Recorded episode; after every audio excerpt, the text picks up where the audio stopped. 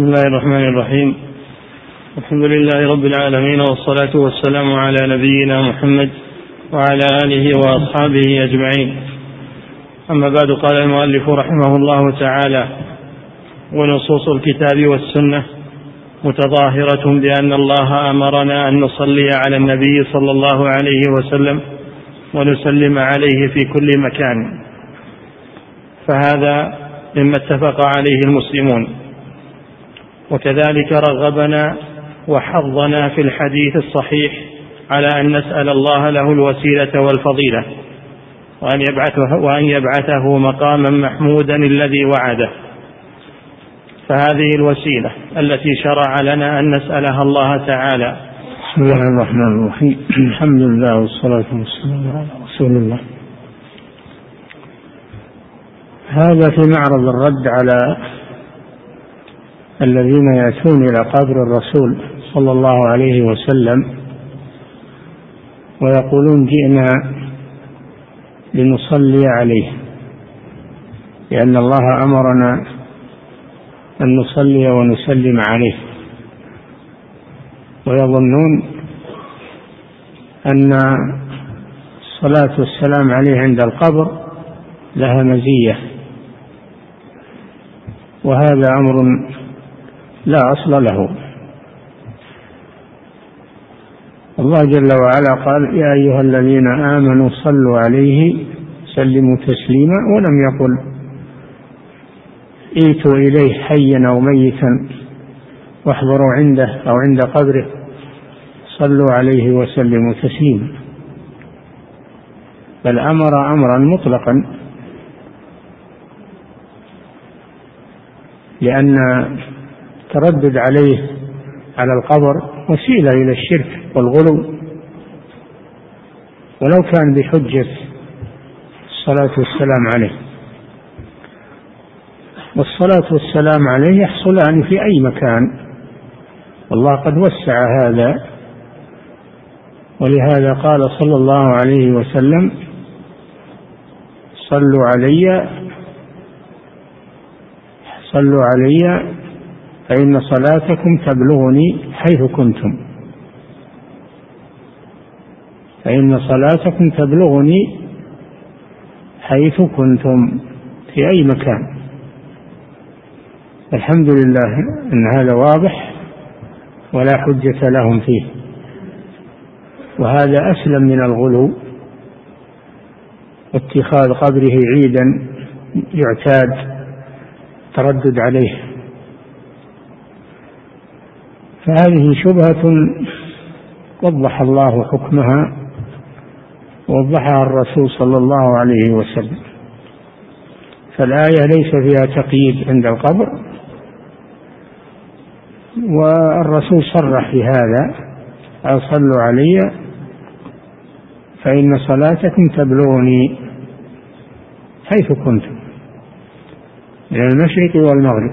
ولهذا قال ولهذا قال حفيده.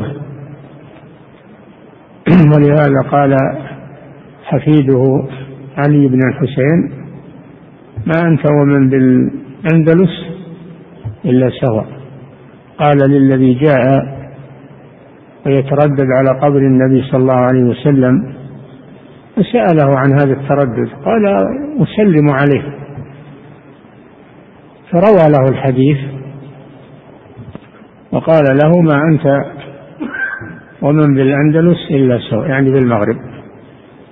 فلا مزية لمن صلى عليه قريبا من قبره أو بعيدا عن قبره. وكل ذلك يبلغه صلى الله عليه وسلم.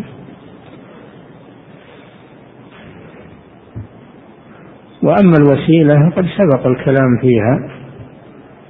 الوسيلة يراد بها الأعمال الصالحة والعبادة. يا أيها الذين آمنوا اتقوا الله وابتغوا إليه الوسيلة. أولئك الذين يدعون يبتغون إلى ربهم الوسيلة أيهم أقرب؟ فالوسيلة هي التقرب إلى الله بالعبادة. وليست الوسيلة ما يقوله الخرافيون إنك تجعل بينك وبين الله واسطة من الخلق في قضاء حوائجك. هذه خرافة لا أصل لها. الوسيلة هي تقرب إلى الله بالأعمال الصالحة والعبادة. هذه هي الوسيلة المقربة من الله. ولم يشرع الله ولا رسوله أننا نجعل بيننا وبين الله واسطة في قبول الدعاء وطلب الحوائج. الله جل وعلا قال وإذا سألك عبادي عني فإني قريب. أجيب دعوة الداعي إذا دعان. هو بحاجة إلى أن يبلغ الدعاء. كالمخلوق الذي لا يدري فيبلغ حاجة الناس. لا الله جل وعلا قريب مجيب لا حاجة إلى اتخاذ الوسائط في الدعاء. فهذا شيء مما افتراه المشركون من قبل ويعبدون من دون الله ما لا يضرهم فلا ينفعهم. ويقولون هؤلاء شفعاؤنا عند الله يعني وسائط. وفي الآية الأخرى ما نعبدهم إلا ليقربونا إلى الله زلفى. هذه الوسائط. قد أنكر الله عليهم ذلك ونزه نفسه عنه. وأخبر أنه كذب. إن الله لا يهدي من هو كاذب كفار. إذا فالوسيلة بمعنى اتخاذ واسطة من الخلق بين الداعي وبين ربه هذا أمر باطل. ولا أصل له. وتطلق الوسيلة أيضا ويراد بها منزلة في الجنة. منزلة في الجنة. لا ينبغي أن تكون إلا لعبد صالح أو لعبد من عباد الله. لا ينبغي أن تكون إلا لعبد من عباد الله. قال صلى الله عليه وسلم وأرجو أن أكون هو. فإذا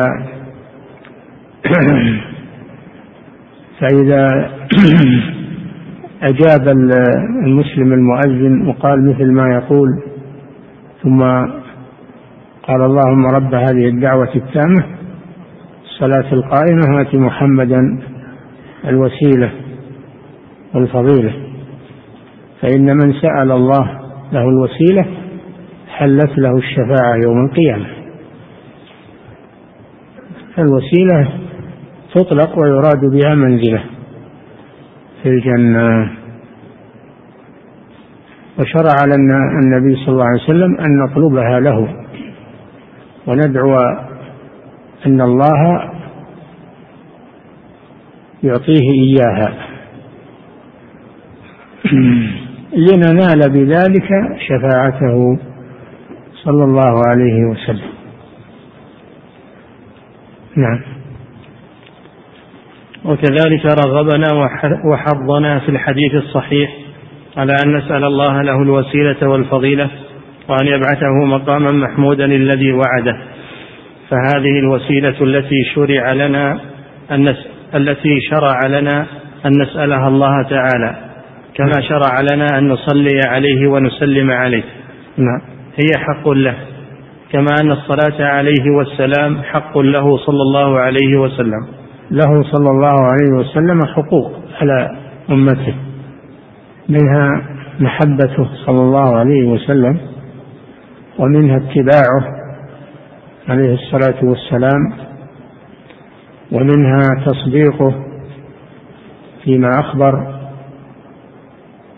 ومنها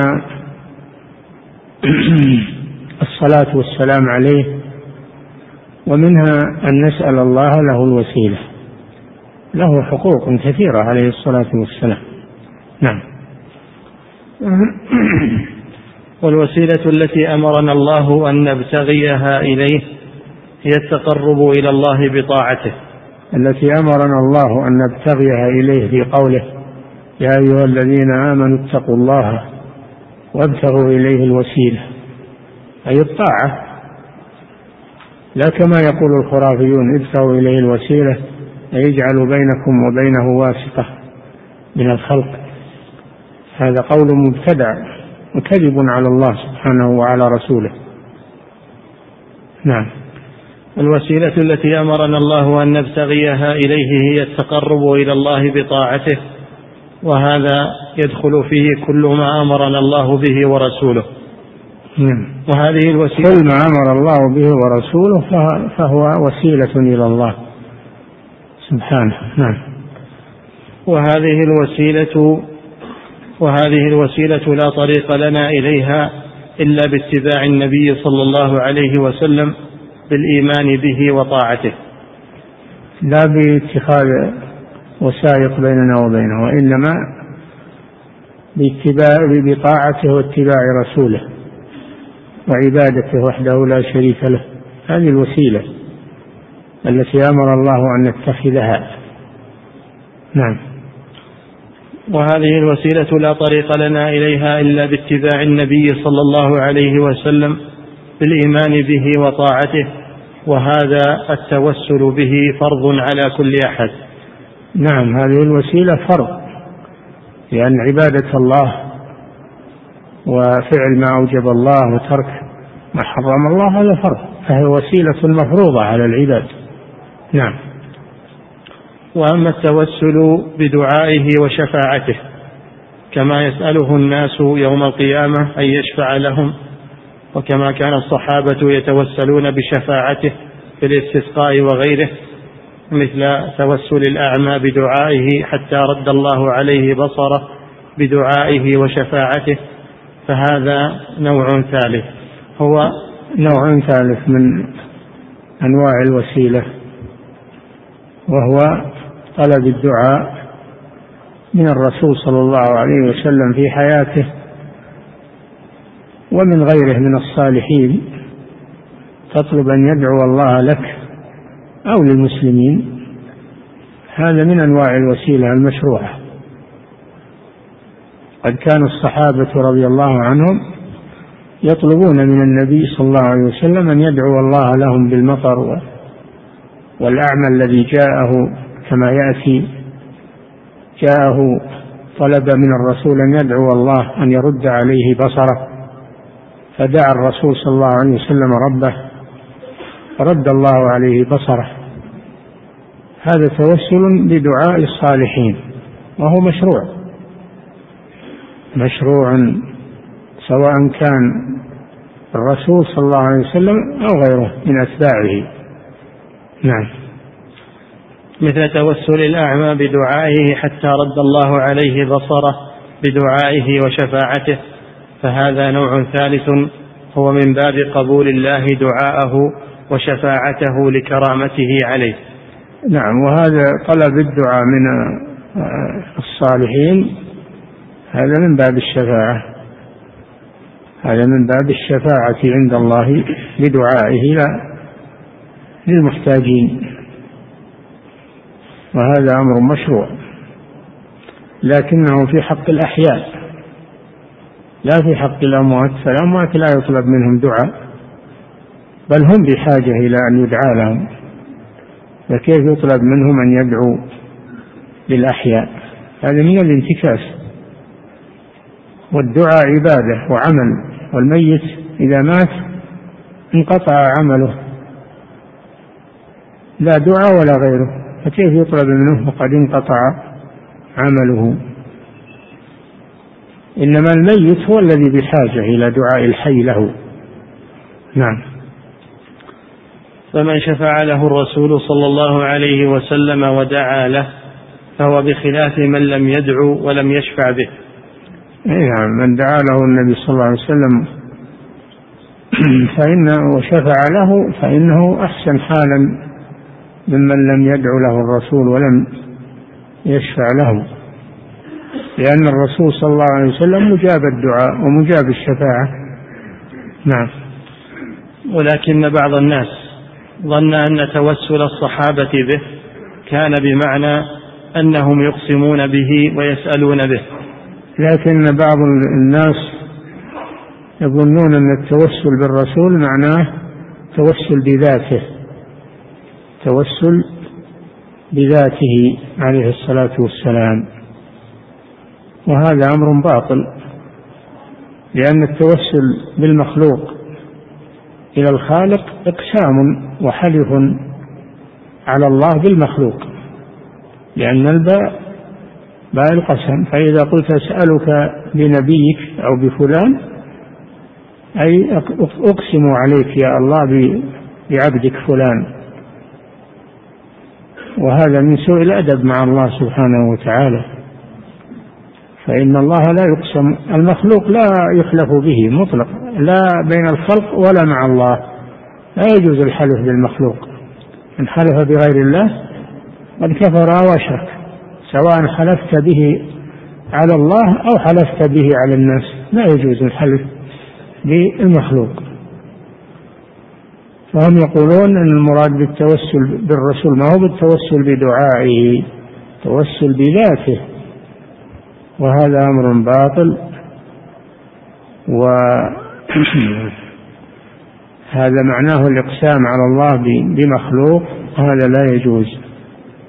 قالوا وإذا كان المقصود التوسل بذاته فلا فرق بين حياته وموته. لما قيل لهم توسل بدعائه هذا في حياته. وأما بعد موته فلا يمكن عدلوا إلى طريق آخر. قالوا المقصود التوسل بذاته. ولا فرق بين حياته وموته. نقول لهم هذا أمر باطل. فإنه لا لا يسأل الله بمخلوق أبدا. لا يسأل الله بمخلوق. نعم. ولكن بعض الناس ظن أن توسل الصحابة به. كان بمعنى أنهم يقسمون به ويسألون به. فظن هذا مشروعا مطلقا لكل أحد في حياته ومماته. هذا غلط. نعم. وظنوا أن هذا مشروع في حق الأنبياء والملائكة. بل وفي الصالحين. وفي من يظن فيه الصلاح وإن لم يكن صالحا في نفس الأمر. يعني إذا كان المراد بالتوسل التوسل بالذات فلا فرق بين الحي والميت. وهذا أمر لم يعرف ولم يعهد عن الصحابة. إنما كان الصحابة يتوسلون بالدعاء بدعاء الصالحين لا بذواتهم. يتوسلون بدعائهم. ولهذا قال عمر بعد وفاة الرسول صلى الله عليه وسلم اللهم إنا كنا نتوسل إليك بنبينا فتسقينا وإنا نتوسل إليك بعم نبينا. قم يا عباس فادعو تبين المقصود فهو الدعاء ادعو. هذا هو المقصود بالتوسل بالصالحين يعني بدعائهم لا بذواتهم. بدعائهم لا بذواتهم. نعم. وليس وليس في الأحاديث المرفوعة في ذلك حديث في شيء من دواوين المسلمين التي يعتمد عليها في الأحاديث لا في الصحيحين ولا في كتب ولا في كتب السنن ولا المسانيد المعتمدة كمسند الإمام أحمد وغيره.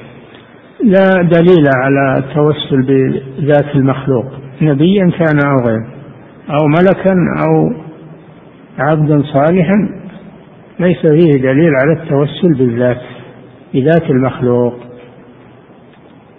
لا يوجد شيء في في دواوين السنة المعتبرة كالصحاح والمسانيد والسنن. لا يوجد فيها شيء من هذا التوسل بذوات المخلوقين إلى الله سبحانه وتعالى. وما روي من ذلك فهذا لا يوجد في كتب السنة المعتبرة.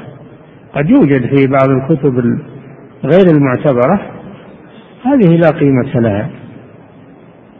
كما يأتي من توسل آدم بمحمد كما يزعمون هذا هم معتبر هذا نعم.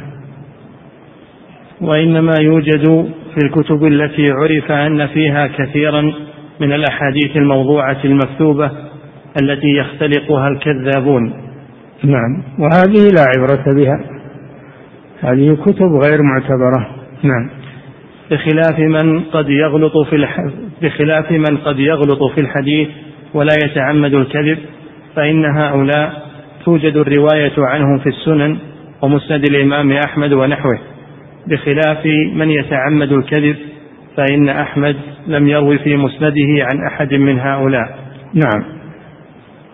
قد يقول قائل أنه يوجد في في بعض الكتب المعتمدة يوجد شيء من الأحاديث المكذوبة. نقول نعم الأحاديث المكذوبة على نوعين. النوع الأول ما لا يتعمد ما لم يتعمد صاحبه الكذب. هذا قد يوجد في مسند أحمد وفي غيره. هو مكذوب وموضوع لكن صاحبه لم يتعمد الكذب. والنوع الثاني ما يتعمد صاحبه الكذب. هذا لا يوجد أبدا في كتب الحديث المعتبرة. أحاديث مكذوبة يتعمد أصحابها ورواتها الكذب. أما الوهم وسوء الحفظ والقوادح التي تكون في الإسناد هذا موجود. هذا موجود. ولكنهم يبينون رحمهم الله يبينون ذلك بالسند. يذكرون سلسلة السند عن فلان عن فلان عن فلان. وهذه الأسماء كلها تجدها في في التراجم تاريخ الرواة. تجد هذه الأسماء في تاريخ الرواة مكتوب عنها. من جهة العدالة ومن جهة الغفلة ومن جهة الوضع ومن جهة ما تركوا شيئا. بينوا هذا. نعم. ولهذا تنازع الحافظ أبو العلاء الهمداني والشيخ أبو الفرج ابن الجوزي. أبو العلاء الهمداني المقرئ المشهور أحد القراء السبعة. كان إماما جليلا في الحديث والقراءة. اختلف هو وابن الجوزي. أبو الفرج ابن الجوزي. فأبو الفرج ابن الجوزي يقول إن المسند مسند أحمد فيه أحاديث موضوعة. و أبو العلاء ينفي هذا يقول ليس في المسند أحاديث موضوعة. كل له اعتبار. فابن الجوزي يقصد النوع الأول الموضوع الذي لم يتعمد صاحبه الوضع. ولا تبين له أنه موضوع. رواه وما تبين له أنه موضوع. فهذا يوجد في مسند أحمد كما قال ابن الجوزي. لكن ليس فيه حديث موضوع يتعمد صاحبه الوضع والكذب كما قال أبو العلاء. فكل له وجهة. كل من هذين العالمين له وجهة. إذا فالعلماء قد يرون الحديث الموضوع في مصنفاتهم. لكن الموضوع الذي لا يتعمد صاحبه الوضع وإنما أخطأ فيه خطأ غير مقصود. نعم. ولهذا تنازع الحافظ أبو العلاء الهمداني والشيخ أبو الفرج بن الجوزي هل في المسند حديث موضوع؟ يعني مسند أحمد نعم. فأنكر الحافظ أبو العلاء أن يكون في المسند حديث موضوع. وهو صادق باعتبار نعم. وأثبت ذلك أبو الفرج. وهو صادق باعتبار كل واحد له وجهة نعم. وأثبت ذلك أبو الفرج وبين أن فيه أحاديث قد علم أنها باطلة ولا منافاة بين القولين. نعم. فإن الموضوع في اصطلاح أبي الفرج هو الذي قام دليل على أنه باطل وإن نعم. كان المحدث به لم يتعمد الكذب بل غلط بل غلط فيه. نعم. هذا موجود. نعم. والإمام أحمد يذكر السند. الإمام أحمد يذكر السند برجاله وهؤلاء الرجال الذين في السند قد درست أحوالهم ودونت في كتب الرجال. كتب التاريخ تاريخ الرواة. نعم. ولهذا روى في كتابه في الموضوعات أحاديث كثيرة من هذا النوع. روى ابن الجوزي ذكر ابن الجوزي في كتاب الموضوعات. الموضوعات اسم كتاب لابن الجوزي مطبوع. ذكر كثير من الأحاديث الموضوعة نعم. وإن كان وإن كان قد يلاحظ عليه بعض الأشياء أنه حكم على أحاديث أنها موضوعة وليست كذلك. ويقولون أنه يتشدد رحمه الله في الحكم على الحديث. تشدد في الحكم على الحديث. كما أن الحاكم رحمه الله يتساهل. فابن الجوزي معروف بالتشدد في الحكم على الحديث. والحاكم يتساهل في الحكم على الحديث. نعم. ولهذا روى في كتابه في الموضوعات أحاديث كثيرة من هذا النوع وقد نازعه طائفة من العلماء في كثير مما ذكره. إي نعم. يعني لم يسلم له من كل ما ذكره في الموضوعات إنه موضوع. قد يكون حسنا قد يكون آه، حسنا لغيره قد لم يسلم له هذا. لكنه رحمه الله يتشدد في الحكم على الحديث. نعم. وقد نازعه طائفة من العلماء في كثير مما ذكره وقالوا إنه ليس مما يقوم دليل على أنه باطل بل بينوا ثبوت بعض بعض ذلك. بعض الأحاديث التي حكم عليها أنها موضوعة. نعم. لكن الغالب على ما ذكره في الموضوعات أنه باطل باتفاق العلماء. لكن الغالب في كتابه الموضوعات أن ما ذكره أنه باطل. هذا هو الغالب. لكن في بعض الأحاديث قد لا يسلم له فيها. نعم. وأما الحافظ أبو العلاء وأمثاله فإنما يريدون بالموضوع المختلق المصنوع الذي تعمد صاحبه الكذب والكذب كان قليلا في السلف. الكذب المتعمد قليل في السلف. لورعهم عن الكذب وبعدهم عنه. لكنه كثير في المتأخرين. نعم. والكذب كان قليلا في السلف. أما الصحابة فلم يعرف فيهم ولله الحمد من تعمد الكذب على النبي صلى الله عليه وسلم. حاشاهم وكلا صحابة رسول الله. كلهم عدول. رضي الله عنهم وليس فيهم كذاب. نعم. كما لم يعرف فيهم من كان من أهل البدع المعروفة كما أنهم ليس فيهم مبتدع. كلهم يتبعون سنة الرسول صلى الله عليه وسلم. وهذا من فضائلهم.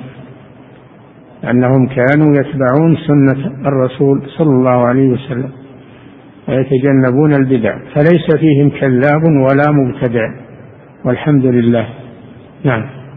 كما لم يعرف فيهم من كان من أهل البدع المعروفة كبدع الخوارج والرافضة والقدرية والمرجئة. وإن كانت ظهرت في وقتهم هذه هذه المذاهب لكنهم يحذرون منها ويحذرون منها وينكرونها. نعم. فلم يعرف فيهم أحد من هؤلاء الفرق. نعم. ولا كان فيهم ما في الخوارج أحد من الصحابة. ما معهم أحد من صحابة رسول الله صلى الله عليه وسلم. بل إنهم قاتلوهم وكذبوهم. ولا في الصحابة أحد من الجهمية والقدرية. نعم بل أنكروا عليهم. نعم. ولا كان فيهم من قال إنه أتاه الخضر. ولا فيهم من كذب هذه الخرافة وقال أن الخضر يعني خضر موسى العبد الذي ذهب إليه موسى ليتعلم منه فيه خرافيون يقولون إنه يجيهم وان الخضر ما مات وإنه يجيهم. الشيخ يقول لا الخضر مات ولا وما جعلنا لبشر من قبلك الخلد أفإن مت فهم الخالدون. كل نفس ذائقة الموت الخضر وغيره. فهو مات وإنما الخضر اللي يجيهم ويدعي أنه الخضر هذا شيطان يتمثل شيطان يتمثل ويقول أنا الخضر. كما أن الشياطين تأتي القبوريين وتقول لهم أنا الولي الفلاني وأنا بلغت حاجة لله وأنا قضيت شياطين يعملون هذا الشيء مع بني آدم. ليضلوهم. ويظنون أنهم ملائكة. يظنون أنهم ملائكة. أو أنهم الأولياء. انبعثوا من قبورهم وخاطبوا هؤلاء الخرافيين. فالشيطان حريص. فالخضر مات. والذي يجيهم ويدعي انه الخضر هذا شيطان. يريد أن يضلهم ويلبس عليهم. وبالمناسبة فإن شيخ الإسلام له رسالة في موت الخبر في مجموع الفتاوى وجعل فيها رسالة أخرى منسوبة له أنه حي. لا منسوبة للشيخ أنه يرى حياة الخبر ولكن هذه الرسالة لا لا صحة لها. نعم.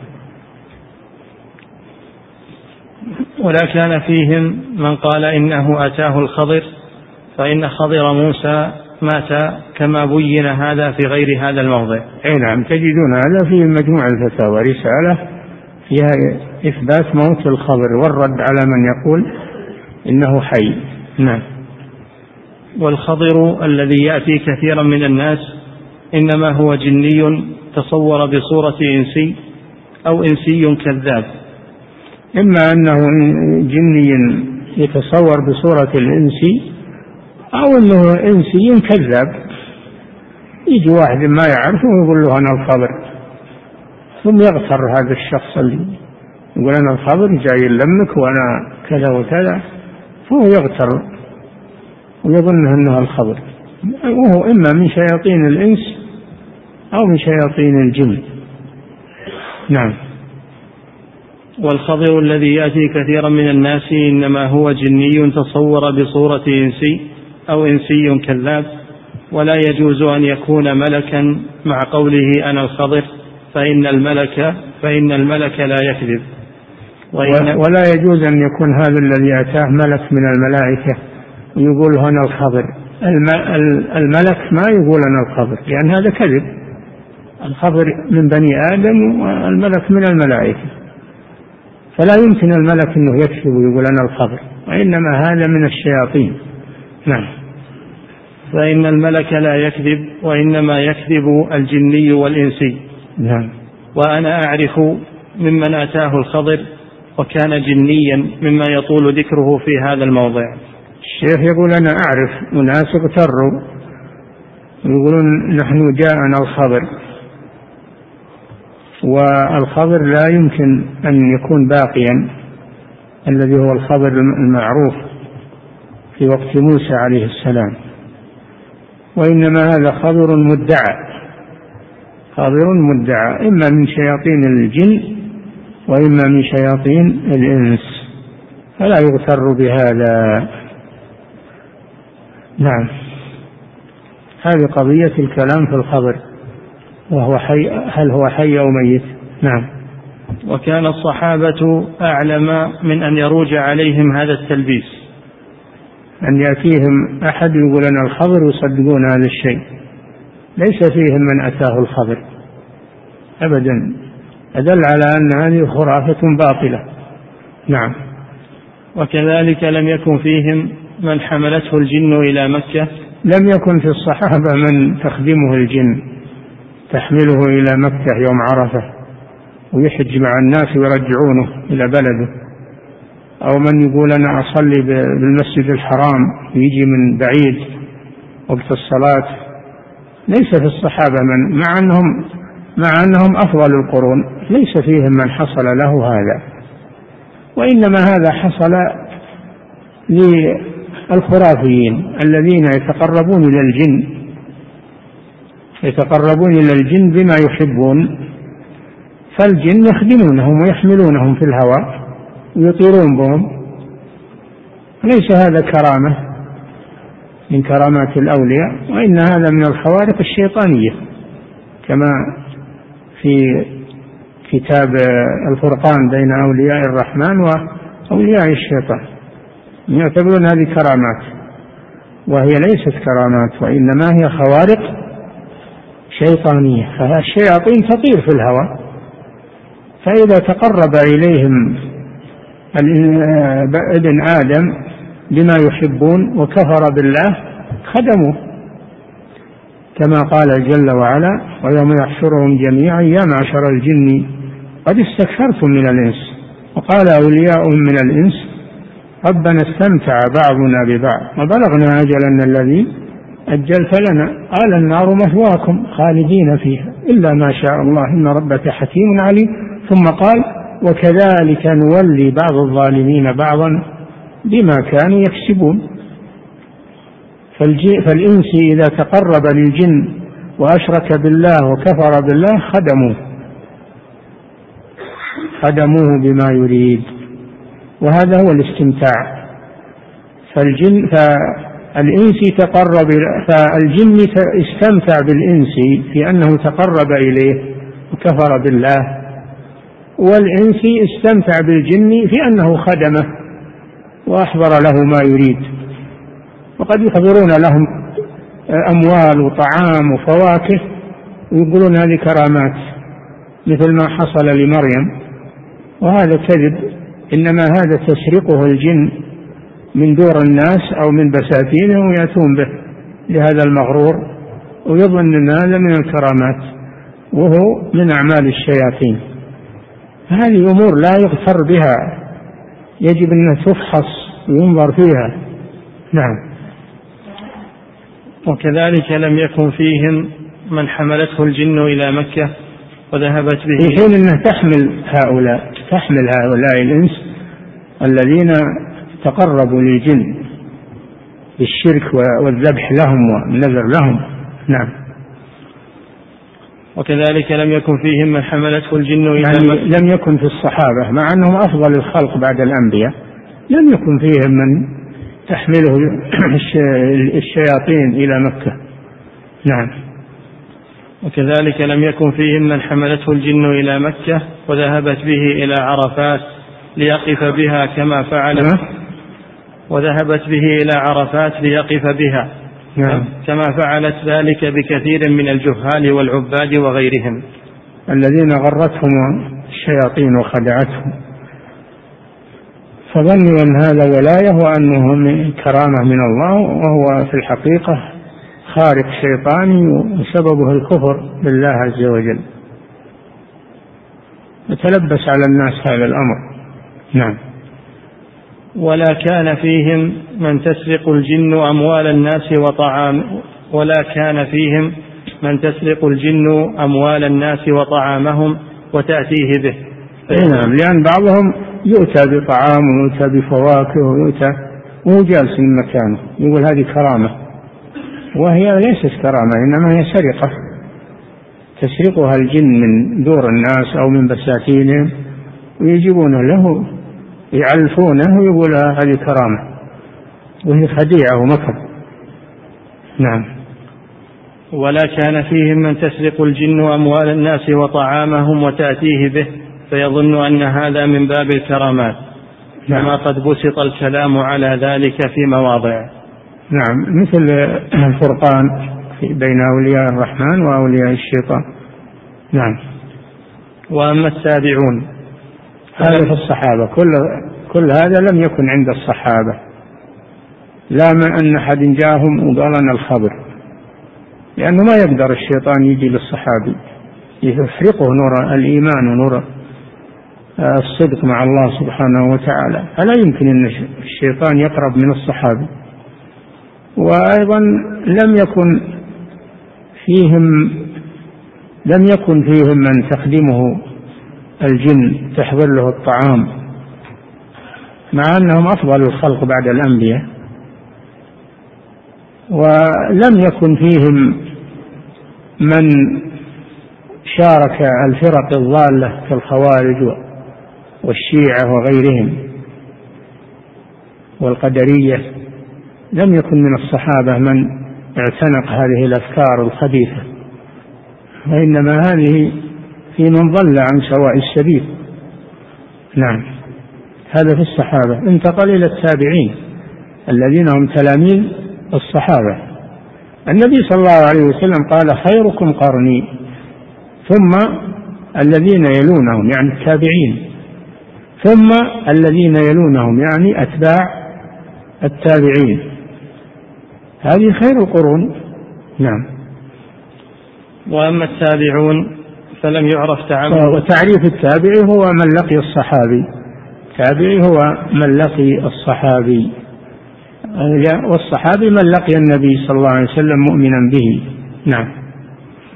وأما التابعون فلم يعرف تعمد الكذب في التابعين من أهل مكة والمدينة والشام والبصرة. نعم التابعين بالمعنى الصحيح. ليس فيهم من يتعمد الكذب. لأن الله طهرهم من ذلك ولأنهم تلاميذ تلاميذ الصحابة وأثنى عليهم الرسول صلى الله عليه وسلم. قال خيركم قرني ثم الذين يلونهم. نعم. بخلاف الشيعة فإن الكذب معروف فيهم. بخلاف الشيعة الذين تشيعوا لأهل البيت فهم عرفوا ما معهم أدلة ما معهم أدلة على مذهبهم فصاروا يتعمدون الكذب. يتعمدون الكذب. لأن ما معهم أدلة يعتمدون عليها. ما بقي إلا الكذب. ولذلك الكذب عند الشيعة لا يحصى. نعم. بخلاف الشيعة فإن الكذب معروف فيهم وقد عرف الكذب بعد هؤلاء في طوائف. ثم انتشر الكذب بعد الشيعة وبعد انتشر في طوائف حتى عند بعض المنتسبين إلى السنة. تساهلوا في هذا الأمر. نعم. وأما الغلط فلا يسلم منه. أما الغلط الذي لا يتعمد هذا قصد الشيخ. أما الغلط الذي لا يتعمد هذا قد يحصل للصحابة يحصل للتابعين يحصل. ما هي أحد معصوم إلا الرسول صلى الله عليه وسلم. لكنهم لا يتعمدون الخطأ والغلط. وإلا الإنسان معرض للغلط وللخطأ. وقد يروي حديثا موضوعا يظنه أنه صحيح. ما تعمد هذا؟ نعم. وأما الغلط فلا يسلم منه أكثر الناس. نعم. بل في الصحابة من قد يغلط أحيانا. يغلط بل في الصحابة من قد يغلط أحيانا وفي من بعدهم. وفي من بعدهم من باب أولى. يقع الغلط والخطأ. هذا يقع. إنما الذي لا يقع في القرون المفضلة الكذب نعم. ولهذا كان فيما صنف في الصحيح أحاديث يعلم أنها غلط. وإن نعم. كان نعم. ولهذا كان فيما صنف في الصحيح يعني في الأحاديث الصحاح. يعني الصحاح كثيرة من صحيح البخاري وصحيح مسلم صحيح ابن حبان وصحيح وصحيح ابن خزيمة الكتب التي يلتزم أصحابها بالصحة تسمى صحاح كثيرة. أعلاها وأجلها الصحيحان نعم. ولهذا كان فيما صنف في الصحيح أحاديث يعلم أنها غلط وإن كان جمهور متون الصحيحين مما يعلم أنه حق. نعم فهذا خطأ وغلط يقع من البشر. يقع من البشر. قد يقع من الحفاظ واللي يتحرون الصحيح ويدونون الصحيح قد يقع منهم خطأ في ذلك. لكنهم لم يتعمدوا. والحمد لله يعني كتب الرجال وكتب الجرح والتعديل وكتب متوفرة. يرجع إليها ويعرف ما حصل من الخطأ أو من الغلط. نعم.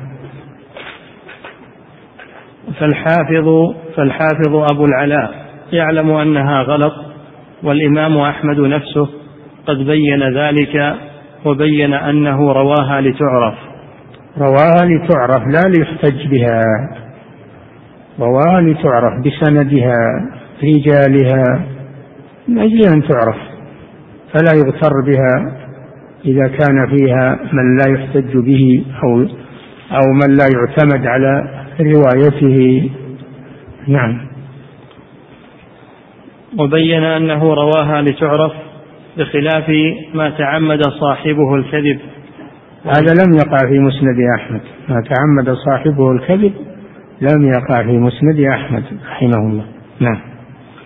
ولهذا نزه أحمد مسنده عن أحاديث جماعة يروي عنهم أهل السنن كأبي داود والترمذي مثل نسخة كثير بن عبد الله ابن عمرو بن عوف المزني عن أبيه عن جده. نعم هذا الراوي يخطئ وما يتعمد الكذب لكنه يخطئ كثيرا. نعم. وإن كان أبو داود يروي وهذا لا لم يروي له الإمام أحمد. كثير بن عبد الله لم يروي له الإمام أحمد. وإن كان أصحاب السنن قد يرون له. نعم. وإن كان أبو داود يروي في سننه منها. من أحاديث كثير بن عبد الله. نعم. فشرط أحمد في مسنده أجود من شرط أبي داود في سننه. نعم. والمقصود أن هذه الأحاديث التي تروى في ذلك من جنس أمثالها من الأحاديث الغريبة المنكرة. والمقصود؟ والمقصود أن هذه الأحاديث التي تروى في ذلك من جنس أمثالها من الأحاديث الغريبة المنكرة بل الموضوعة التي يرويها من يجمع في الفضائل والمناقب الغث والسمين. نعم. المصنفات منها ما سبق اللي هي الصحاح والسنن والمسانيد. هذه في الجملة والكثرة الكافرة أنه لا يقع فيها أحاديث موضوعة وقد يقع في بعضها من غير قصد ومن غير تعمد. أما الكتب التي تؤلف في الوعظ والقصص وتؤلف في الفضائل فهذه يقع فيها كثير من الأحاديث غير الثابتة الأحاديث الموضوعة. لأن قصد أصحابها حث الناس وترغيب الناس و ولا يعتنون بالأسانيد. أو ليس عندهم خبرة أيضا بالأسانيد. همهم أنهم يجمعون ما يؤثر ما يؤثر على الناس. ولهذا كان العلماء ينهون عن القصاص. يحذرون من القصاص. لأنهم يقصدون التأثير على الناس ولا ينظرون في ثبوت آه، الحديث الذي يقولونه للناس. المهم أنه يكون مؤثرا. نعم. ففرق بين هذه الكتب كتب السنة ودواوين السنة وكتب الوعظ والقصص والفضائل فضائل الأشخاص أو فضائل البلدان أو حتى فضائل السور.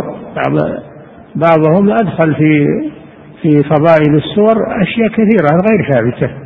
نعم.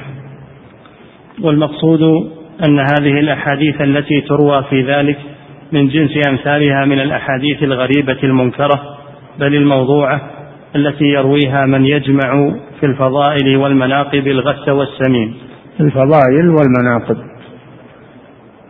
يجمع فيها ما فيه ثنى وفيه ترغيب أو ترهيب دون نظر إلى سنده. يذكر شيء صحيح ويذكر شيء ما هو صحيح. غث وسمين السمين هو الصحيح والغث هو غير الصحيح. نعم. كما فلا يميز هذه الأمور إلا إلا البصير العالم المتخصص في علم الحديث. أما المسكين الذي لا يدري آه، يقرأ في هذه الكتب ويحسبها أنه من صحيح البخاري أو صحيح مسلم. نعم. كما يوجد مثل ذلك فيما يصنف في فضائل الأوقات وفضائل العبادات وفضائل الأنبياء والصحابة. وكما تعلمون الآن كثر بالجوال أو بالنشرات يذكرون أحاديث لا خطام لها ولا زمام ولا أصل بس الحجة أنها ترغب الناس أو أنها تحذر الناس. هذا ما يصلح ولا يجوز هذا نشر للكذب. ترويع للناس. فلا يجوز هذا العمل وهذه النشرات التي لا أصل لها. ولا أو في الجوالات. كثر هذا. لكن بعضهم قد يكون قاصد من التضليل والدس على الناس.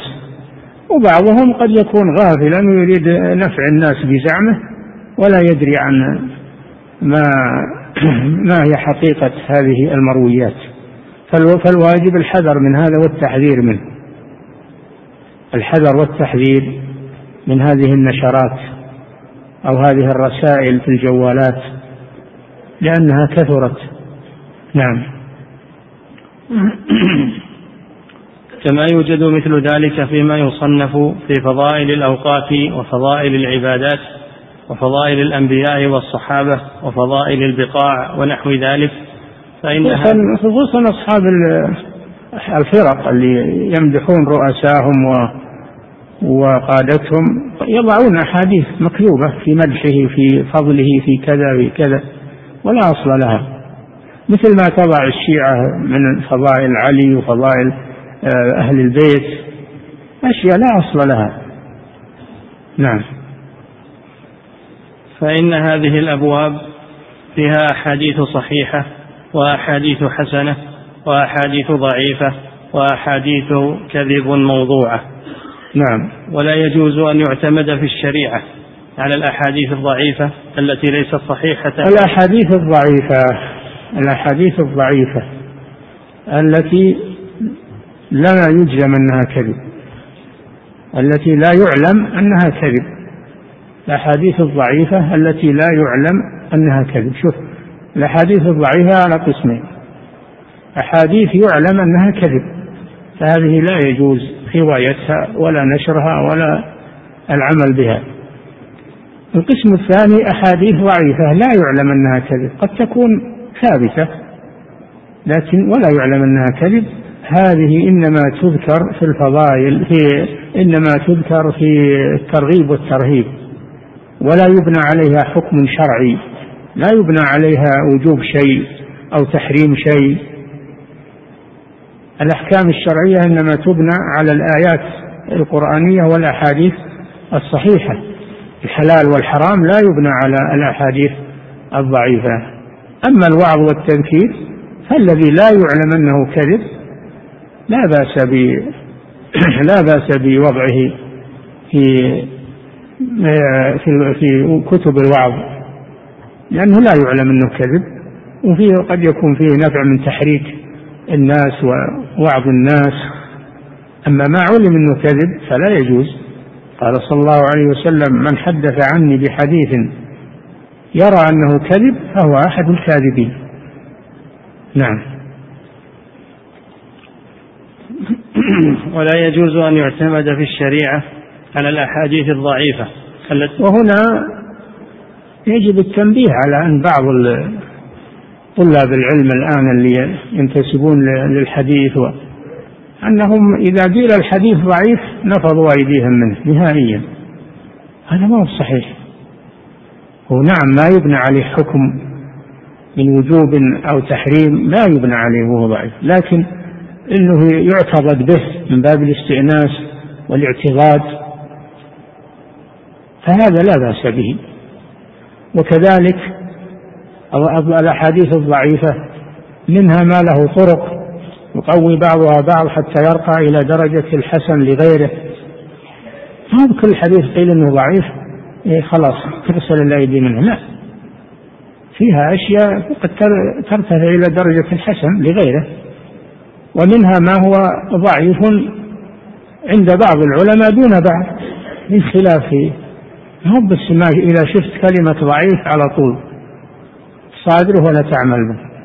فيجب التنبه وهذا ما يعرفه إلا أهل العلم وأهل الفن. ما يعرف هذا إلا أهل الفن وأهل العلم. أما الذي لا يعلم ولا درس أصول الحديث الواجب أنه يسكت ويتوقف. نعم. ولا يجوز أن يعتمد في الشريعة على الأحاديث الضعيفة. أن يعتمد في الشريعة يعني في الحلال والحرام والعقائد لا يجوز أن يعتمد على الأحاديث الضعيفة. نعم. ولا يجوز أن يعتمد في الشريعة على الأحاديث الضعيفة التي ليست صحيحة ولا حسنة. لكن أحمد بن حنبل لأن الحديث عند المتأخرين انقسم من وقت الترمذي كما يأتي انقسم إلى ثلاثة أقسام صحيح وحسن وضعيف. فالشريعة يعتمد فيها على الصحيح والحسن ولا يعتمد فيها على الضعيف. فلا يبنى عليه تحليل ولا تحريم. نعم. لكن أحمد بن حنبل لكن أحمد بن حنبل وغيره من العلماء جوزوا أن يروى في فضائل الأعمال ما لم يعلم أنه ثابت. إذا لم يعلم أنه كذب. إذا لم يعلم أنه كذب فيروى في باب الترغيب والترهيب والوعظ وما أشبه ذلك. ما لم يعلم أنه كذب. أما إذا علم أنه كذب فهذا لا يجوز. نعم.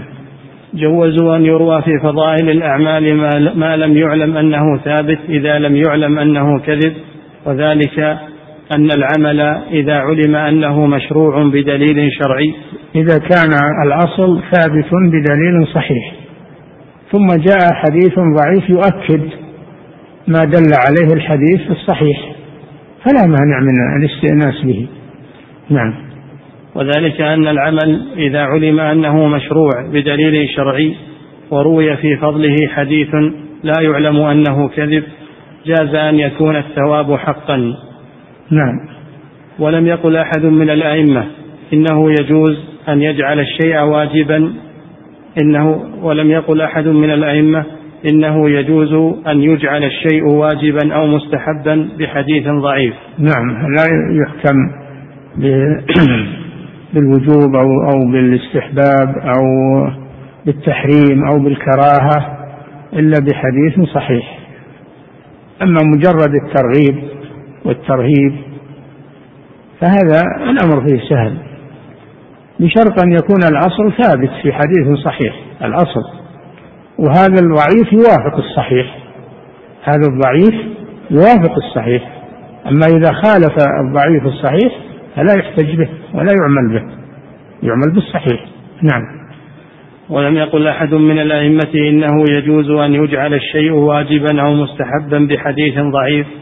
ومن قال هذا فقد خالف الإجماع. هذه القاعدة أنه لا يجوز أن يبنى الحكم الشرعي من تحليل أو تحريم أو اعتقاد على حديث ضعيف. أما أنه يعمل به أو يذكر في الوعظ والتذكير والفضائل فضائل الأعمال هذا أمر واسع. ما لم يعلم أنه أنه موضوع. نعم. وهذا كما أنه لا يجوز أن يحرم شيء إلا بدليل شرعي.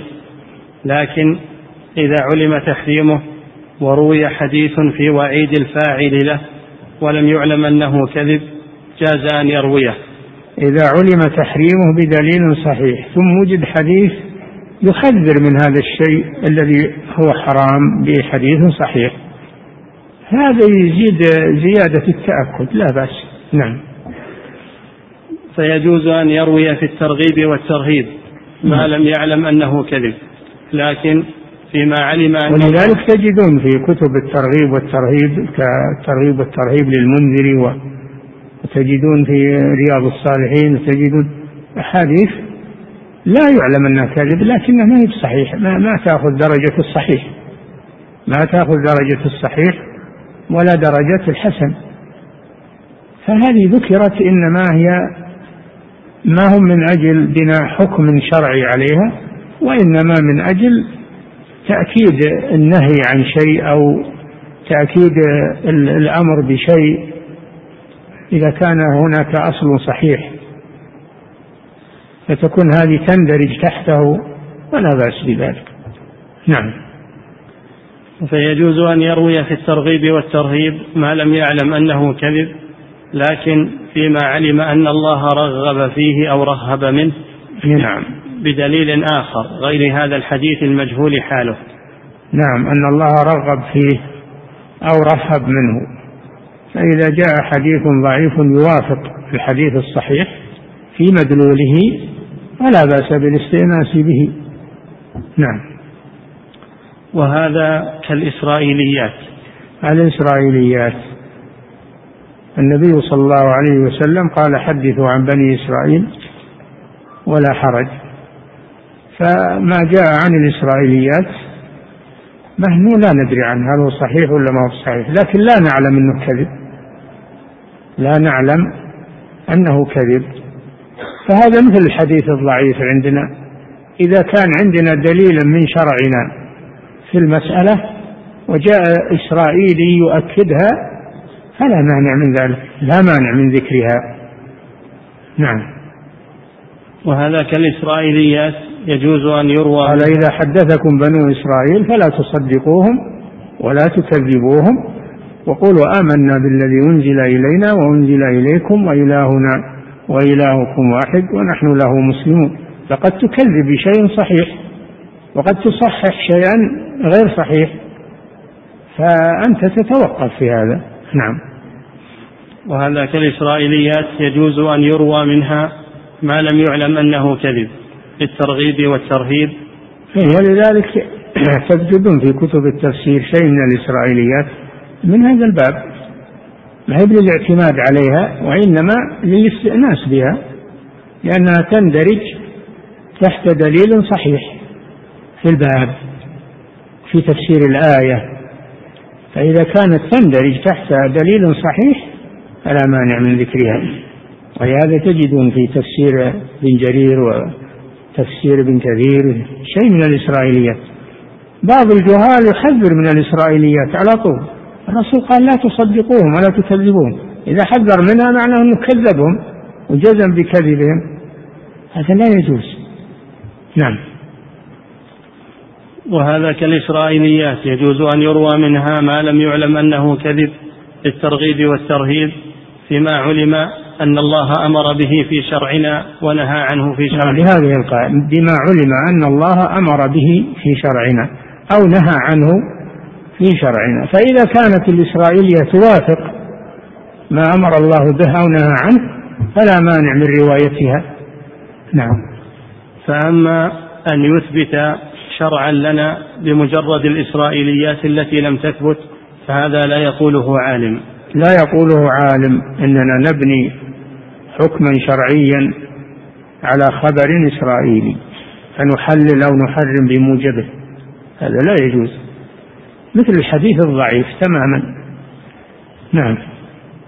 فهذا فلا فلا يفراط ولا تفريط في الحديث الضعيف ولا يفراط ولا تفريط في الإسرائيليات. الواجب الوسط والاعتدال والمشي على القواعد والضوابط الشرعية فيها. نعم. فهذا لا يقوله عالم ولا كان أحمد بن حنبل ولا أمثاله من الأئمة يعتمدون على مثل هذه الأحاديث في الشريعة. لا يعتمدون على الأحاديث الضعيفة في الحلال والحرام ولا يعتمدون على الإسرائيليات في الحلال والحرام. نعم. ومن نقل عن أحمد أنه كان يحتج بالحديث الضعيف الذي ليس بصحيح ولا حسن فقد غلط عليه. ولكن كان في عرف أحمد بن حنبل ومن قبله من العلماء أن الحديث ينقسم إلى آه الإمام أحمد لا يحتج بالحديث الضعيف في مسألة تحليل أو تحريم ومن نسب إليه ذلك فقد غلط. إنما في عهد الإمام أحمد ومن قبله. كان الحديث عندهم ينقسم إلى قسمين إما صحيح وإما ضعيف. ما وجد الحسن في ذاك الوقت لأن الحسن مندرج في الصحيح ذاك الوقت. فلما جاء الإمام الترمذي رحمه الله ذكر المراتب الثلاث ذكر الصحيح والحسن والضعيف. هذا عند المتأخرين. فالإمام أحمد لا يأخذ الحديث الضعيف أبدا. ومن قال إنه يأخذ به في الأحكام فقد غلط عليه. في الأحكام. يعني أنه يحلل به ويحرم به؟ لا. نعم. ولكن كان في عرف أحمد بن حنبل ومن قبله من العلماء أن الحديث ينقسم إلى نوعين صحيح وضعيف. والضعيف عندهم ينقسم إلى ضعيف متروك لا يحتج به. وإلى ضعيف حسن. ضعيف حسن يعني حسن لغيره. وهذه أمور لا يحسنها إلا العالم المتخصص في علم الحديث. نعم. كما أن ضعف الإنسان بالمرض ينقسم إلى مرض مخوف يمنع التبرع من رأس المال وإلى ضعف خفيف لا يمنع من ذلك. هذا تمثيل كما أن المرض في الإنسان المرض الجسمي مرض شديد ومخوف هذا يحجر على صاحبه من التصرف في ماله بحظ الورثة. ومرض غير مخوف هذا لا يمنع صاحبه من التصرف في ماله. مثل الحديث الحديث المتروك هذا يمنع. ولا يبنى عليه شيء. الحديث غير المتروك وهو الذي لا يعلم أنه كذب هذا يستفاد منه يستفاد منه في مواضعه لا في الحلال والحرام. نعم. وأول من عرف أنه قسم الحديث ثلاثة أقسام صحيح وحسن وضعيف هو أبو عيسى الترمذي في جامعه. نعم. والحسن عنده ما تعددت طرقه. ولم يكن في رواته متهم وليس بشاذ. نعم. فهذا الحديث وأمثاله يسميه أحمد ضعيفا ويحتج به. نعم. الحسن قصده الحسن. ولهذا قصد الإمام أحمد بالحديث الذي يحتج به والذي نسب إليه أنه يحتج بالضعيف ولا يحتج بالقياس. يعني يذكرون عن أحمد أنه يستدل بالحديث الضعيف ولا يستدل بالقياس. قصده بالحديث الضعيف الحسن. حديث الحسن. نعم. فهذا الحديث وهذه فائدة عظيمة. هذه فائدة عظيمة. إذا عرفنا القصد من آه، كون الإمام أحمد يقدم الحديث الضعيف على القياس أن مراده بالضعيف الحديث الحسن. نعم.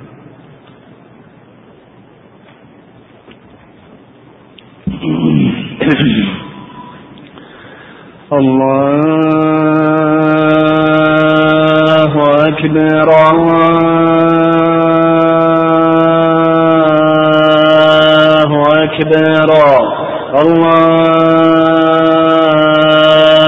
أكبر الله أكبر أشهد أن لا إله إلا الله. أشهد أن لا إله إلا الله. أشهد أن محمد رسول الله. أشهد أن محمد رسول الله. حي على الصلاة. حي على الصلاة حي على الفلاح حي على الفلاح. الله أكبر الله أكبر. لا إله إلا الله.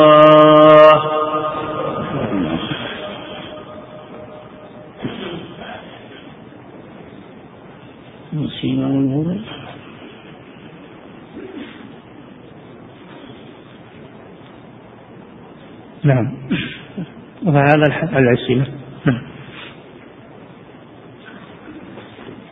وفضيلة الشيخ وفقكم الله. في قول شيخ الإسلام ابن تيمية رحمه الله لم يقل أحد من الأئمة إنه يجوز أن يجعل الشيء واجبا أو مستحبا بحديث ضعيف. السؤال أليس من أصول الإمام أحمد رحمه الله التي قد درسناها أنه إذا لم يوجد في المسألة دليل إلا حديثا ضعيف. ضعيفا فإنه يستدل به على هذه المسألة. الظاهر أنه كاتب السؤال قبل يسمع آخر الكلام. سمعت أن المراد أحمد بالحديث الضعيف الحديث الحسن. الحديث الحسن. ما هو بقصده الضعيف؟ الذي هو دون الحسن. بهذا يزول الإشكال. نعم. يقول فضيلة الشيخ وفقكم الله في قول شيخ الإسلام أيضا لو لم يقل أحد من الأئمة إنه يجوز أن يجعل الشيء واجبا أو مستحبا بحديث ضعيف يقول ما وجه ما ذكره ابن مفلح رحمه الله أن الحديث إذا كان ضعيفا فإنه يحمل على الاستحباب إذا كان أمرا ويحمل على الكراهة إذا كان نهيا. فهل في هذا مخالفة للإجماع؟ هذا رأيه هذا رأيه رحمه الله. لكن الصواب ما سمعتم أنه ما يبنى عليه حكم شرعي لا وجوبا ولا استحبابا ولا تحريما ولا كراهة وإنما يستعمل في الترغيب والترهيب فقط. الثابتين بأصول صحيحة. يندرج يندرج تحت الصحيح. لا يحتج به بمفرده. نعم. يقول فضيلة الشيخ وفقكم الله الحديث الضعيف الذي لم يعلم أنه كذب على النبي صلى الله عليه وسلم. إذا روي في الترغيب والترهيب هل يشترط عند ذكره أن يبين ضعفه حتى لا ينسب إلى النبي عليه الصلاة والسلام؟ هم شرطوا فيه شروط. أولا أنه ما يروى بصيغة الجزم وإنما يقال ورد أو يروى عن النبي بصيغة التمريض. ما تقول قال الرسول صلى الله عليه وسلم؟ بل تقول روي عن الرسول روي. أو ورد عن الرسول صلى الله عليه وسلم كذا. الأمر الثاني أنه لا يكون في التحليل والتحريم. فلا يبنى عليه حكم شرعي. الأمر الثالث أن لا يعلم أنه كذب. هذه شروط شروط ذكر الحديث الضعيف. ألا يجزم بنسبته إلى الرسول ألا يبنى عليه حكم شرعي من تحليل أو تحريم ألا يكون مما علم أنه موضوع. نعم. يقول فضيلة الشيخ وفقكم الله ما الضابط في ذكر القصص للناس؟ وهل هناك فرق بين ذكر القصص الحقيقية وغير الحقيقية؟ المراد بالقصص الوعظ الوعظ ما هو القصص؟ اللي هو السواليف و لا المراد الوعظ بالحوادث الوعد بالحوا... الوعظ بالحوادث التي تروى. نعم. يقول فضيلة الشيخ وفقكم الله هناك رسالة عن طريق الجوال عبارة عن قصة لأحد الوعاظ وهي قصة طويلة تتناقل في الجوال ويسأل, ويسأل عن صحتها وهي أن رجلا أراد السفر والجهاد وكانت زوجته حبلى. فمسح على بطنها وقال استودعك أستودعك الله. ثم ذهب وقدر ان ماتت المرأة وجنينها في بطنها وكان يرون من قبرها دخانا وكانوا يرون عند قبرها دخانا. فحضروا القبر وأخرجوا الطفل من بطن أمه ووجدوه حيا. وقد التقى مع عمر بن الخطاب رضي الله عنه. فهل, فهل هذه القصة صحيحة؟ وأن التقى مع عمر فيه. كله من الخرافة أنا قلت لكم اتركوا الجوالات هذه. نعم. يقول فضيلة الشيخ وفقكم الله ذكرتم حفظكم الله أن ابن الجوزي رحمه الله يتشدد في الأحاديث. لا يتشدد في الحكم ما هو في الأحاديث. يتشدد في الحكم على الحديث بالوضع. فقد يحكم على حديث إنه موضوع وهو ليس كذلك. يقول الشيخ وهذا هذا نادر. وإلا الغالب أنه ما ذكره صحيح. نعم. يقول فهل ما ذكره في كتابه بستان الواعظين ورياض السامعين يعتبر الحديث هذه من كتب الوعظ ما هي من كتب الموضوعات هذه من كتب الوعظ. قد يذكر فيها أحاديث ضعيفة من باب التأثير فقط. نعم. يقول فضيلة الشيخ وفقكم الله هل هناك صيغة معينة للصلاة والسلام على النبي صلى الله عليه وسلم؟ نعم. صلوا عليه وسلموا تسليما. فتقول صلى الله عليه وسلم كما أمرك الله. أو اللهم صل وسلم على محمد كما أمرك الله بذلك. وأما في التشهد الأخير فالنبي صلى الله عليه وسلم علم أصحابه كيف يصلون عليه.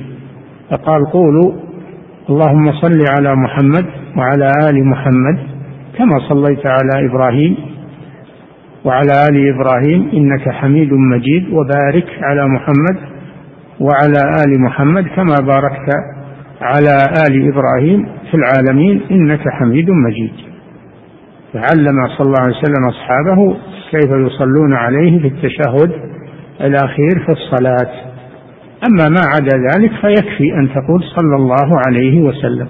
أو اللهم صل وسلم على نبينا محمد. يكون مطابق للآية. نعم. يقول فضيلة الشيخ وفقكم الله بعض المصلين في صلاة الجمعة في خارج هذه البلاد يصلون ويسلمون على رسول الله صلى الله عليه وسلم بصوت مرتفع أثناء الخطبة. فهل هذا الفعل مباح؟ هذا بدعة ومنهي عن رفع الصوت وقت الخطبة. يجب الإنصات. وإذا مر ذكر الرسول صلى الله عليه وسلم تصلي عليه سرا ولا ترفع صوتك بحيث يسمعك من بجانبك. نعم. يقول فضيلة الشيخ وفقكم الله هل يطلب الدعاء من غير الصالحين كالمقصرين من المسلمين؟ فمثلا عندما أقدم خدمة لهذا الرجل أقول له دعواتك لي. فهل هذا مباح؟ الكلام على الصالحين لأنهم أرجى أرجى أن يقبل دعاؤهم. أما غير الصالحين فلا أعلم في ذلك شيئا. نعم. يقول فضيلة الشيخ وفقكم الله السحر هل السحر تخييلي فقط أم هو حقيقي كنقل الساحر في الهواء وغير ذلك؟ السحر على قسمين حقيقي وتخييلي. أما المعتزلة والعقلانيون فيقولون لا ما في سحر حقيقي إنما هو تخييلي فقط. وهذا غلط. كلا الأمرين موجود التخييلي والحقيقي. نعم. يقول فضيلة الشيخ وفقكم الله بعض الرقاة عندما يقرؤون على المريض يدخلون في حوار مطول مع الجن ويسألونه عن محل السحر وأين هو فهل هذا الفعل جائز؟ والله ما أعلم عنه هذا. ولا أدري عنهم ولا أعرف عقائد هالرقاة ولا علمهم ولا أدري عنهم. كثر هذا الشيء ودخله الطمع والدعاية. نعم فأنا لا أدري عنه. نعم. يقول فضيلة الشيخ وفقكم الله هل كل ما يحصل من خدمة الجن للإنس من معاونته أو مساعدته؟ هل, هل كل ما يحصل من خدمة الجني للإنسي من معاونته ومساعدته. هل يؤدي ذلك إلى أن يشك في توحيده وينظر في عمله؟ نعم. الإنسي لا يطلب الإعانة من الغائب لا من الجن ولا من الملائكة ولا ولا من الأموات وإنما يطلب الإعانة من الحاضر من الحي من الحي الحاضر الذي يقدر على ما يطلبه منه. بهذه الشروط أن يكون حيا أن يكون حاضرا عنده أن أن يقدر على ما تطلبه منه. نعم. يقول فضيلة الشيخ وفقكم الله رجل من خارج المملكة قال لي إن امرأته عابدة. ها؟ قال لي رجل من خارج المملكة قال لي إن امرأته عابدة وتقول إنها تسمع أذان الحرم وهي خارج المملكة. ويخرج من فيها رائحة مسك. فهل هذه تعد كرامة لها؟ الله أعلم ما أدري. تسمع ذا يمكن بالجوال ولا بالإذاعة؟ حطت شيء خفي وتقول أنا أسمع. التخريف اليوم كثير والكذب. نعم. فضيلة الشيخ وفقكم الله هذه امرأة أخرى تقول بأنها رأت في المنام رسول الله صلى الله عليه وسلم على صورته ووصفه. وأبا بكر رضي الله عنه غير أنه كان في الرؤيا أطول من رسول الله عنه غير أنه؟ غير أنه كان في الرؤيا أطول من رسول الله صلى الله عليه وسلم. وفي رؤيا أخرى سمعت هاتفا يهتف لها فظنت أنه ملكا وعلمها آخر سورة البقرة وقال لها اقرأي على النساء وانفثي عليهن وسينفع الله بك. تقول فعلا بدأت أقرأ على النساء وتعافى كثير منهن. لا هذه لا تصدقها هذه يمكن شيطان يبي يغرر بها. فتترك هذا الشيء ولا تتماشى معه. اللي يأمرك يقول افعل كذا وسوي كذا هذا لا يكون إلا للرسول صلى الله عليه وسلم ولا أحد يأمر وينهى بعد الرسول صلى الله عليه وسلم. نعم. يقول فضيلة الشيخ وفقكم الله لا شك في ضرورة الاعتماد على كتب السلف خاصة في العقيدة وخاصة كتب شيخ الإسلام ابن تيمية رحمه الله. السؤال ما رأيكم في اختصار المطول منها وتقريبه للعامة والمبتدئين لشدة الحاجة إليها الآن؟ ولأن العامة ليس لهم ليس لديهم جهد على المطولات. يا أخي هي مختصرة هي موجودة في ثلاثة الأصول في كشف الشبهات وفي كتاب التوحيد الذي هو حق الله على العبيد. هي مختصرة. ومنها أشياء اختصرها نفس الشيخ مثل العقيدة الواسطية. هذه مختصرة. هو الذي اختصرها وكتبها عقيدة مختصرة. فالمختصرات موجودة ولله الحمد. نعم. يقول فضيلة الشيخ وفقكم الله درسنا في الكلية في تفسير قول الله سبحانه فتبينوا أن الصحابي الذي أرسل بالزكاة قد كذب. فما حكم هذا الكلام؟ حيث قال لنا المدرس إن الصحابي قد كذب في هذه المسألة. فهل قوله صحيح؟ لا يجوز له هذا. الله ما قال الصحابي ما قال فلان. ويروح يقول الصحابي يسميه لا يجوز هذا. هذا لا يجوز. الله جل وعلا قال يا أيها الذين آمنوا إن جاءكم فاسق بنبأ فتبين. هذا عام. إن خبر الفاسق لا يقبل إلا بعد التثبت. وش اللي يدعيه يسمي الصحابي؟ هذا يفتح باب شر. وهو أيضا ما عنده ثبات عن هذا الأمر فلا يجوز له هذا الكلام. بين طلاب وشباب تعلمون يفتح لهم هذا الباب هذا. نعم. فانصحوه وبلغوه الكلام هذا. وما هم من حقه يذكر الصحابة. نعم. الله لم يذكر هذا وإنما قال إن جاءكم فاسق ما قال فلان ولا فلان. نعم. يقول فضيلة الشيخ وفقكم الله في حديث الرسول صلى الله عليه وسلم إن لله ملائكة سياحين في الأرض يبلغوني عن أمة السلام. هذا مر بنا في أول كلام الشيخ. نعم. يقول هل هذا خاص بالرسول عليه الصلاة والسلام؟ أم نعم. أن خاص بالرسول صلى الله عليه وسلم. نعم. أم أن الملائكة تبلغ السلام لكل متوفى؟ لم يثبت هذا. إحنا ما نقول إلا بالشيء الذي ورد. وهذا ورد في حق الرسول صلى الله عليه وسلم. نعم. يقول فضيلة الشيخ وفقكم الله هل التردد على زيارة قبر النبي صلى الله عليه وسلم منهي عنه لأهل المدينة فقط أم يشمل المقيمين بالمدينة أياما قليلة ثم يسافرون؟ يشمل يشمل أهل المدينة المستقرين فيها والمسافرون المقيمون فيها مدة قليلة أو كثيرة. إذا سلم عليها أول مرة يكفي سلم عليه أول ما يقدم يكفي ولا يتردد عليه. نعم.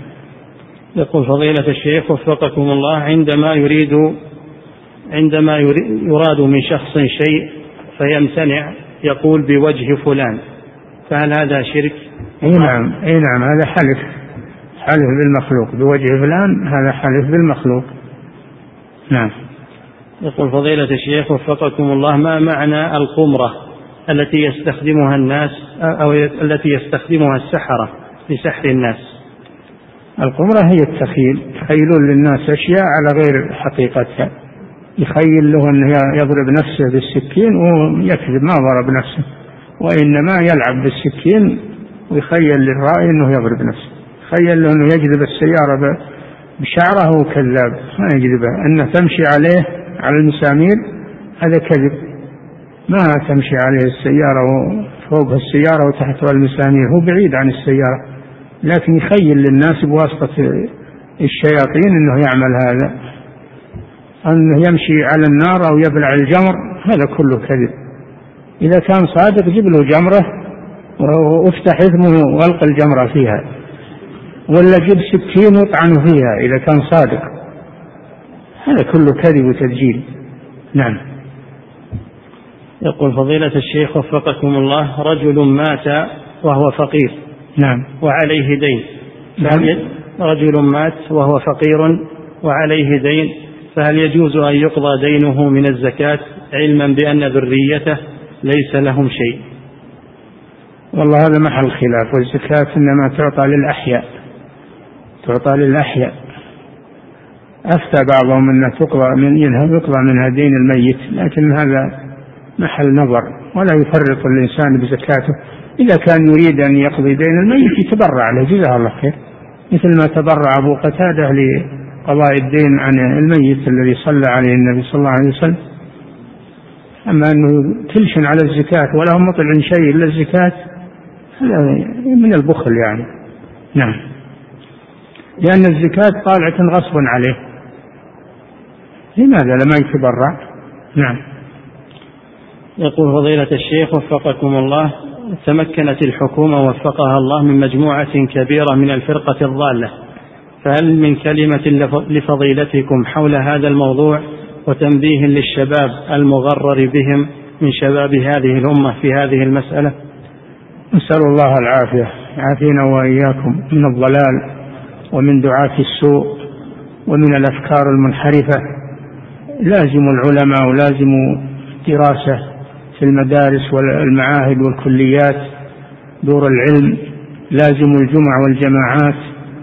احذروا من احذروا من حملة الأفكار السيئة والانفراد في الأمكنة الخفية.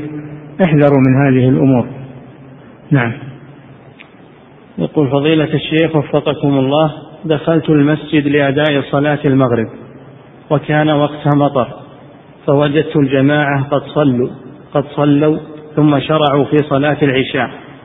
فصليت أنا ومن معي المغرب بجماعة منفردة عن الجماعة الأصلية فأنكر علينا إمام المسجد هذا الأمر. فهل إنكاره صحيح؟ لا ما هو صحيح اللي فعلتموه هو الصواب إن شاء الله. تصلون المغرب أولا ثم تصلون ما بقي مع الإمام من صلاة العشاء. نعم. يقول فضيلة الشيخ وفقكم الله هل هناك شروح معروفة لكتاب البدع لابن وضاح رحمه الله؟ والله ما أعرف شيء هو واضح ما يحتاج شرح هو واضح. لكن سمعت شريط سمعت شريط فيه شرح. نسيت اسم صاحبه فيه شرح لكتاب ابن وضاح. والذي سمعت منه جيد يعني شرح جيد. نعم. يقول فضيلة الشيخ وفقكم الله هذه هذه الأيام يصاد فيها الجراد وطريقة طبخه أنه يوضع في ماء حار وهو حي ثم يطبخ في هذا الماء. أنه يوضع في ماء حار وهو حي ثم يطبخ في هذا الماء. فهل تجوز هذه الطريقة أم أن فيها تعذيبا للجراد؟ هذه طريقة المسلمين للجراد من قديم. تبي كل جرادة تذبحها لحالها؟ ما هو ممكن؟ هذه طريقة المسلمين فيه. نعم. يقول فضيلة الشيخ وفق والتي تقول حرام. والصحابة مع الرسول صلى الله عليه وسلم أكلوا الجراد.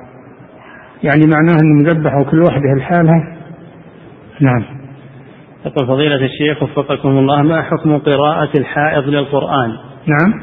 ما حكم قراءة الحائض للقرآن؟ بدون مس المصحف. إذا لا يجوز له يا أخي لا يجوز له تقرأ القرآن وهي حائض لما تطهر إن شاء الله وتقرأ القرآن. هذا حرص على قراءة القرآن الله يزيدها حرص. لكن إذا طهرت تقرأ القرآن. نعم. انتهى.